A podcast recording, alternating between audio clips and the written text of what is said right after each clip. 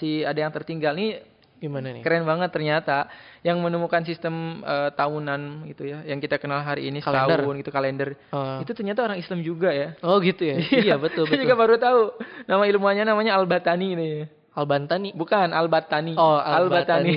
jadi beliau yang menemukan sistem peredaran matahari selama 365 hari Nah itu ya. 4 jam sekian menit sekian detik gitu Iya. itu masya Allah banget terus ada juga yang menemukan tentang konsepsi negara gitu kan Oh, Oke. Nah, itu ternyata eh, teori dasarnya itu tentang konsep apa keseimbangan bernegara itu juga ditemukan oleh bukan ditemukan ya eh, teori-teori itu dibuat oleh orang-orang Islam, oleh pendidikan Muslim. Itu kalau nggak salah namanya itu Al-Farazi. Hmm. Ada kita juga kita kenal kitab eh, Ibnu Khaldun kan mengarang sebuah Iya. kitab yang sangat fenomenal bahkan sampai hari ini menjadi kitab rujukan dalam berbagai pemikiran literasi untuk membuat sebuah konsepsi gitu kan eh, bernegara dan lain sebagainya gitu kan tentang hidup dan lain sebagainya tentang apa kitab mukadimah gitu kan Iya. dan banyak sekali ternyata eh, teman-teman semakin kita eh, cari tahu gitu ya semakin kita menggali sejarah tentang peradaban Islam dan bagaimana kemudian dulu Islam sampai 13 abad lamanya eh, menjadi puncak peradaban dunia bahkan menjadi trendsetter gitu ya. Iya. Islam itu menjadi trendsetter dari semua bidang. Ilmu pengetahuan jadi trendsetter, bahkan style gitu kan, gaya, Iya. gaya berpakaian pun Islam itu menjadi trendsetter gitu. Kalau misalnya kata salah satu guru kita itu kan ada yang pernah berkata gitu. Hari ini kita kalau wisuda kan pakai toga gitu ya, pakai kayak gamis kayak gitu. Ternyata itu adalah budaya yang memang dibangun oleh eh, cendekiawan-cendekiawan muslim, orang-orang muslim pada abad pertengahan gitu ya di Andalusia itu gitu. Jadi kalau misalnya mereka setelah lulus gitu ya dari apa mungkin pendidikannya itu salah satunya menggunakan itu dan itu sampai sekarang dibawa gitu. Karena apa itu mungkin sudah menjadi budaya yang mengglobal gitu kan. Dan banyak sekali gitu, banyak sekali uh, ilmu pengetahuan ilmu pengetahuan yang hari ini ternyata kita belum ketahui, ternyata yang sebenarnya adalah berasal dari uh, cendekiawan muslim gitu. Dan memang tadi saya sempat membaca gitu uh, kisahnya Abbas uh, bin Firnas ya, Iya. tentang bagaimana kemudian dia menemukan pesawat kayak gitu ya. Inspirasi utamanya adalah ternyata Abbas bin Firnas itu memang dari kecil itu sudah dididik gitu ya eh, lingkungannya dengan Quran gitu. Nah iya. Jadi Allah. sebelum mereka kemudian menjadi seorang penemu-penemu besar gitu ya, mereka memikirkan hal-hal yang sifatnya terkadang mungkin nggak terpikirkan gitu. Iya. Ternyata mereka tuh sudah sudah apa ya namanya tuh ya, sudah khatam dengan Quran gitu. Iya. Dia tahu tentang Quran, tahu tentang tafsir Quran. Makanya dari dia paham makna dari Quran itulah muncullah kemudian inspirasi-inspirasi yang dikembangkan jadilah hari ini gitu. Peradaban gitu dari sisi iptek dia menjadi sebuah benda yang kemudian bisa dinikmati oleh jutaan manusia gitu kan. Dari sisi pemikiran sekarang menjadi inspirasi gitu kan, inspirasi dalam bernegara dan lain sebagainya dan itu juga bisa dinikmati oleh jutaan manusia gitu. Jadi ternyata ada satu hal yang akhirnya kita ketemu nih poinnya. Eh, akhi gitu ya, ya akhi. Ayo ketemu poinnya gitu. Ternyata poinnya adalah dari semua eh, cendekiawan muslim yang tadi kita sebutkan dengan berbagai penemuannya dan masya Allah gitu kan. Iya. Entah berapa banyak gitu kan pahala kalau misalnya kita menggunakan matematika pohon paha, eh, apa set pahala gitu ya eh, dengan kebaikan yang dia buat gitu. Ternyata poinnya adalah Al-Qur'an gitu. Iya. Quran dan hadis Rasulullah SAW. Dan itulah akhirnya apa? Itulah kenapa selama 13 abad ketika Islam kemudian dijadikan sebagai pedoman, dijadikan sebagai rujukan untuk hukum Islam gitu kan dalam konteks kehidupan sehari-hari, maka selama 13 abad itu kemudian Islam berada di puncak kejayaan gitu. Iya. Dan akhirnya kita bisa tarik kesimpulan hari ini gitu. Ternyata hari ini kenapa Islam kemudian eh, belum bangkit kembali ya realistis sih memang diakui atau tidak gitu ya. Dan nggak bisa dipungkiri ini sebuah fakta yang hari ini memang ada di hadapan kita. Hari ini generasi mudanya Islam jauh pada eh, jauh daripada Al-Qur'an gitu. Dan itulah kenapa generasi muda hari ini susah untuk mendapatkan inspirasi gitu kan. Atau mungkin tidak terinspirasi untuk menjadi sesuatu gitu. Tidak menjadi mengambil peran yang besar di hadapan Allah Subhanahu wa taala. Karena memang ya problemnya adalah itu jauh dari Quran gitu. Hmm, Oke. nah maka dijauhkanlah Islam kemudian dari dari Quran. Dan hari ini efeknya apa? Ya hari ini gitu kan kita ya seperti makanan yang sedang diperebutkan gitu kan saling bermusuhan dan lain sebagainya akhirnya akhirnya kita sibuk dengan hal-hal kecil gitu sampai kita lupa bahwa ada hal besar yang harus kita wujudkan hari ini Iya. Tapi eh Insya Allah mulai berapa ya? Dari 2015 sudah ada ini gelombangnya gelombang ya, maksudnya gelombang ya. Gelombang kebangkitan ya. Ya? kebangkitan anak muda untuk meramaikan masjid, anak muda eh, apa namanya? Eh, fenomena hijrah anak muda gitu ya. Iya betul betul. Berawal dari apa namanya? eh, gebrakan poster eh, poster dakwah yang kayak anak muda banget gitu kan. Ya eh, teman hijrah juga udah, udah sering buat kan. Nah, itu kalau dalam teori komunikasi waktu kuliah gitu ya. eh ini ingetnya adalah bahwa apa namanya? Orang itu mau berkomu, eh, mau berkomunikasi atau berhubungan dengan kita jika ada kesamaan. Nah, kalau misalkan Qur'annya itu eh, di surat Ibrahim yang bahwa nabi itu diutus sesuai dengan bahasa kaumnya. Betul. Nah itu menarik banget sih. Jadi kayak eh, poster-poster hari ini gitu ya, karya juga kan Mm-mm. eh, yang eh, relate banget sama anak muda. Misalnya kayak kemarin nih, eh apa teman hijrah bikin eh, apa poster nanti kita cerita tentang hijrah ini gitu kan. Maksudnya itu eh, karya walaupun parodi, tapi kan Iya. eh, apa namanya? eh tujuannya untuk menyamakan itu tadi kan persepsi. Jadi ketika eh, posternya menarik dan relate dengan anak muda, ya dia mau datang ke kajian gitu. Nah itu sebuah langkah step by step ya kan. Kemudian juga sekarang eh, banyak eh, kori muda gitu. Kalau dulu mana ada gitu kan? Banyak sebenarnya dulu, cuman tidak tampil. Nah, tidak tampil. Karena sekarang eranya sosial media. Gini sampai kajian aja kan sekarang ini sosial media. Iya. Nah itu maksudnya sebuah tren positif yang emang harus dijaga. Terus eh banyak lagi kan konten creator yang apa namanya bikin konten Islami tapi soft gitu kan. Nah itu sebuah gerakan juga sih menuju ya menuju era yang lebih baik gitu. Kebangkitan Islam ya insya Allah. Insya Allah. Alhamdulillah sih kalau misalnya kita melihat ya, gelombang yang terjadi hari ini ya. Tadi sudah disinggung nih. Gelombang hijrah banyak di berbagai kota. Harinya kemudian anak-anak muda tergerak hatinya. Dimulai dari sedikit gitu kan. Kemudian sekarang sudah jumlahnya sangat banyak. Itu terjadi hampir rata di seluruh Indonesia gitu ya. Iya, gelombang hijrah ini. Dan kemudian bermunculan ustadz-ustadz alhamdulillah gitu ya yang bisa menginspirasi anak muda untuk kembali kepada agama gitu kan kembali ke Islam kembali untuk dekat dengan Quran gitu kan dan hari ini juga kita saksikan banyak banget nih rumah-rumah tahfidz dan lain Nah. sebagainya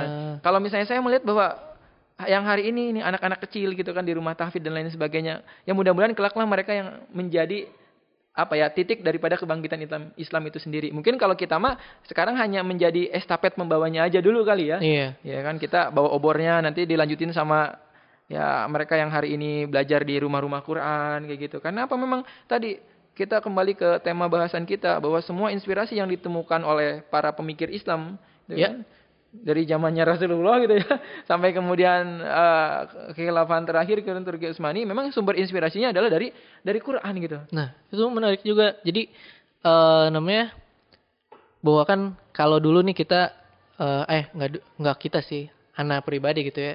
Bahwa Islam tuh hanya agama ritual, agama masjid gitu ya.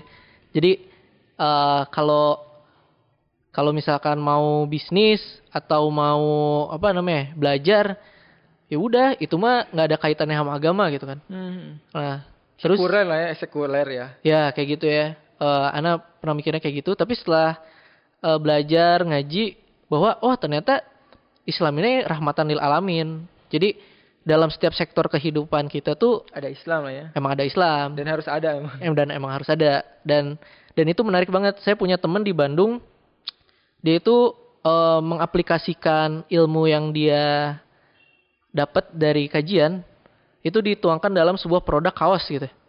Kaos tapi desainnya gitu. Itu tuh sahabat-sahabat Nabi gitu. Mm. Sahabat-sahabat Nabi yang eh, tidak terkenal di bumi tapi terkenal di langit lah gitu kan. Iya benar. Syiar lah ya by kaos. Nah ya, jadi mediumnya tuh kaos. Tapi kan banyak nih dulu nih kaos-kaos distro zaman kita muda gitu ya. Iya. Kita, Saya dulu kita nggak kenal kaos distro. Saya kaosnya pasar saya. wah, nah gitu. Jadi kita ngeburu kaos distro, desainnya gini. Nah, teman saya eh, punya pemikiran lain bahwa oh ya udah kita tiupin aja eh, nilai Islamnya gitu. ya dengan desain yang menarik juga gitu. Nah, buat temen-temen nih, Itu menarik juga beli tuh. nih produk lokal ya kan. Kaos-kaos distro muslim di teman hijrah tuh ada. Ya, ada kaosnya, ada jaketnya, ada yang ahwat juga, ada kerudungnya kan, ada tuniknya, ada topinya dan lain sebagainya.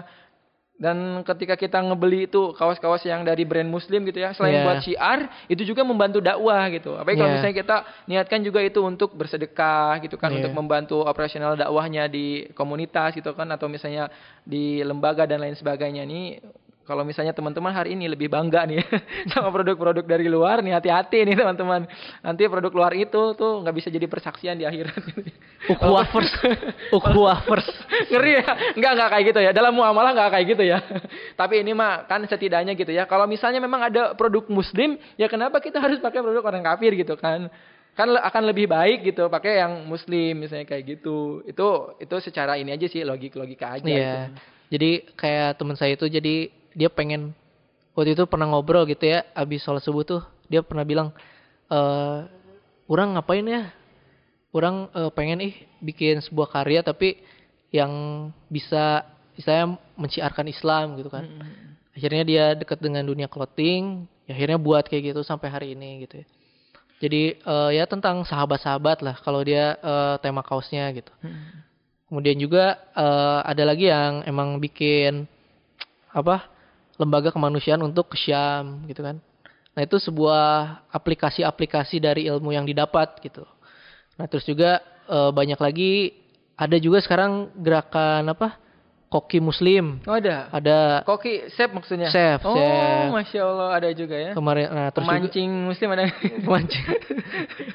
terus juga ada apa lagi tuh kemarin? Eh, ya para para pengusaha Muslim gitu Iya ya. sekarang udah mulai banyak ya eh, gerakan-gerakan yang dibangun oleh saudara-saudara kita yang memang mengarahkan untuk kembali kepada agama. Memang Iya. tadi ya, sumber semua kehidupan kita itu adalah Al-Qur'an gitu kan, hadis. Iya. Jadi ketika kita kembalikan semuanya kepada Quran, hadis memang hidup kita insya Allah gitu ya sama Allah pun akan diberikan kemudahan kayak gitu. Dan itu sudah teruji, terbukti gitu ya selama 13 abad Rasulullah sampai Turki Utsmani gitu. Ya itu menarik juga. Jadi dari ini dari karya lagi nya- nyambung ke karya eh, karya film Hmm. dan visual. Nah dulu tuh ketika zamannya bioskop, jadi ketika ada film apa itu tuh yang akan merubah kondisi masyarakat. Hmm. Jadi misalnya kayak dulu tuh film AADC zaman 2000 Si Rangga ya. 2002 Sama si Cinta. iya kan itu secara nggak langsung pasti eh, yang hidup zaman itu dan saya juga ngalamin kan itu juga eh, apa berpengaruh kepada eh, kehidupan kita Oh, saya nggak ngaruh sih soalnya di kampung saya nggak. Mohon maaf, zaman berapa tahun 2002 ya? 2002. Aduh, 2002 saya TV aja masih hitam putih kayaknya Pak. nah terus juga kan ada film apa tuh dulu kalau teman-teman eh, dulu tuh kisah realita cinta dan rock and roll Oh iya iya. Ah, iya. yang kayak gitu. Nah itu tuh kan eh Kayaknya jadi tren gitu ya. Iya. Bahkan yang paling baru itu kan Dilan. Dilan. Jaketnya jadi tren itu kan, motornya jadi Nah. tren. Sebelum Dilan ada eh, film 5 cm. ya semua orang pengen naik gunung. Nah, dan eh, ngobrol sama temen yang porter juga, Mm-mm. ya setelah film itu Rame ya. ramai yang naik Oh, gunung. apalagi Semeru rame kayaknya. Nah, iya.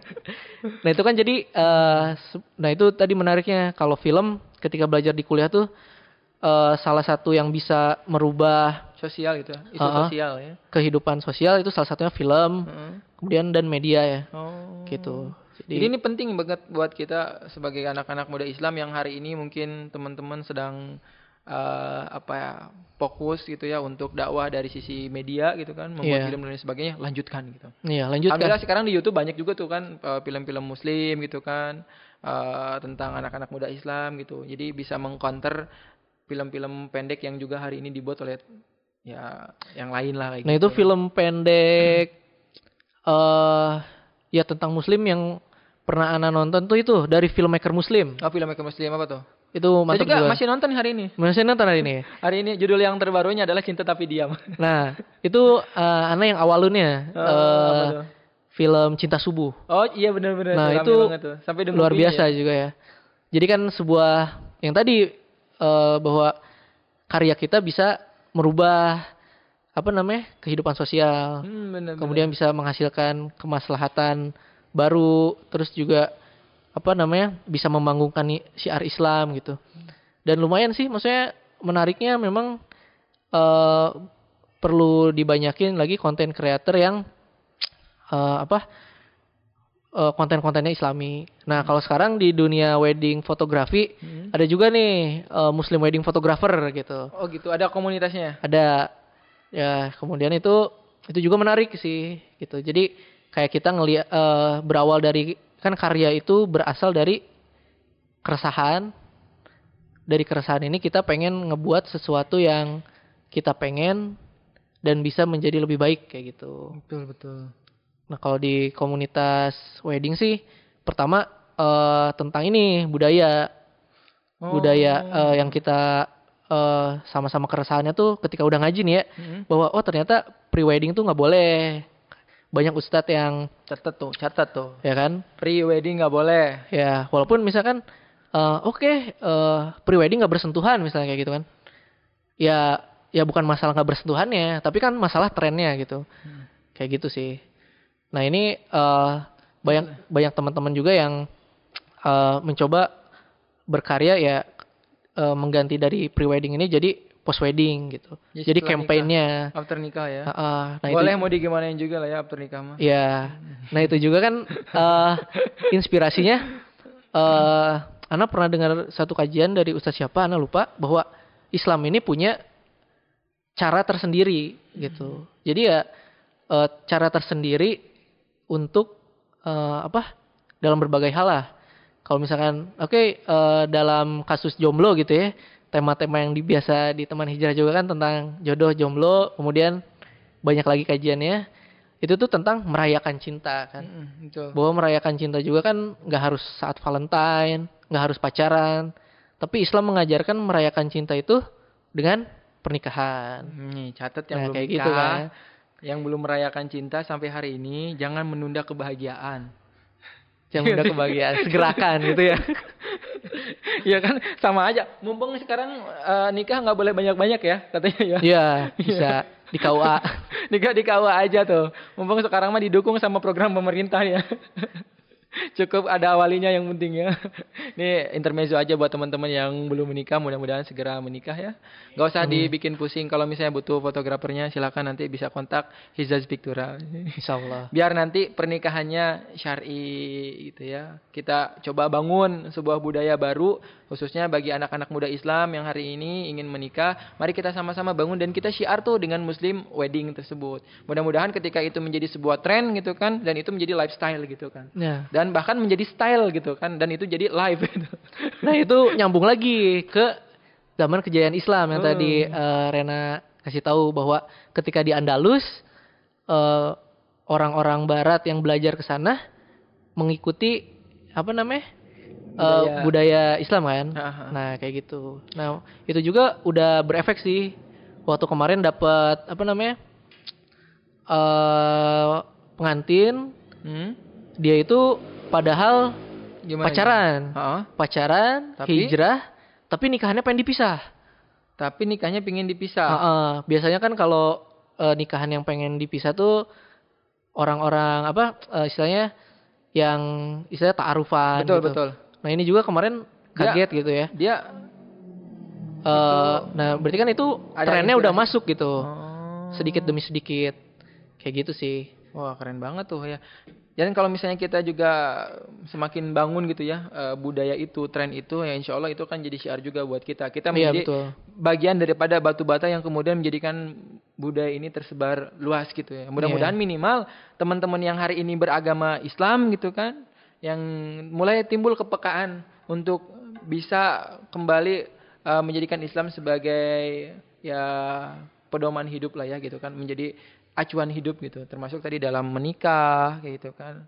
Kemudian tata caranya seperti apa? Karena ternyata hari ini ya banyak juga teman-teman kita yang masih berpacaran gitu kan kemudian ya menikahnya mungkin masih dengan berbagai adat istiadat yang kadang ada kesyirikannya juga gitu ya macam-macam lah campur-campur ya salah satu faktornya adalah mereka nggak tahu gitu kan Iya. mereka eh memang mereka nggak tahu bagaimana seharusnya Islam tuh mengatur ini semua gitu ini juga tugas kita mungkin ya buat mengedukasi gitu kan bagi teman-teman juga yang mungkin sudah hari ini sudah hijrah jangan menutup diri nih ya. Terus belajar. terus belajar dan sebarkan Berkarya. gitu ya sebarkan semangat hijrahnya gitu kan Iya. semakin banyak teman-teman yang kita ajak hijrah semakin banyak juga insya Allah pahala yang akan kita uh, tuai di akhirat nanti gitu. Jadi hari Iya, ini yang betul. udah ikut kajian di teman hijrah jangan berhenti di situ saja gitu. Tapi ajak sebanyak-banyaknya teman-teman yang lain yang belum hijrah.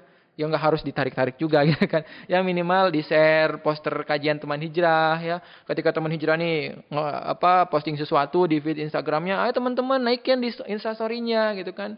Kemudian di WA-nya disebar-sebar di grupnya. Insya Allah teman-teman Meskipun teman-teman cuma nge-share doang gitu kan, nge-share konten di teman hijrah doang, insya Allah ketika kita niatkan itu untuk dakwah, kita niatkan itu untuk kebaikan, insya Allah itu kan jadi pahala gitu buat kita. Simple sebenarnya kan dakwah tuh ya, nggak harus eh, ribet gitu kan gimana gimana, gitu cukup nge-share doang gitu kan. Kan Iya. biasanya juga kita sering nge-share dari akun-akun receh gitu kan.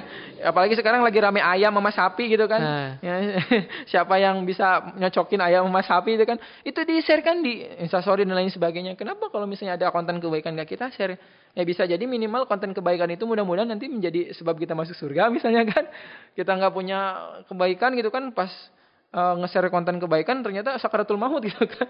Kan ya bisa aja kan. Alhamdulillah berarti ya dalam keadaan yang husnul khotimah gitu mudah-mudahan insya Allah kayak gitu. Nah, berarti kalau misalkan datang ke taklim gitu, ke kajian, jangan lupa ditulis. betul. Ditulis terus di-share sekarang lagi. ada di YouTube misalnya ya. Di-share lagi terus dengan mungkin desain eh, teman-teman yang bisa desain ya dengan desain yang menarik gitu kan. Agar temennya tertarik terus bisa nge-share lagi ya, kayak gitu sih. Jadi berkaryanya luas gitu. Dengan apa yang kita bisa ya kita lakukan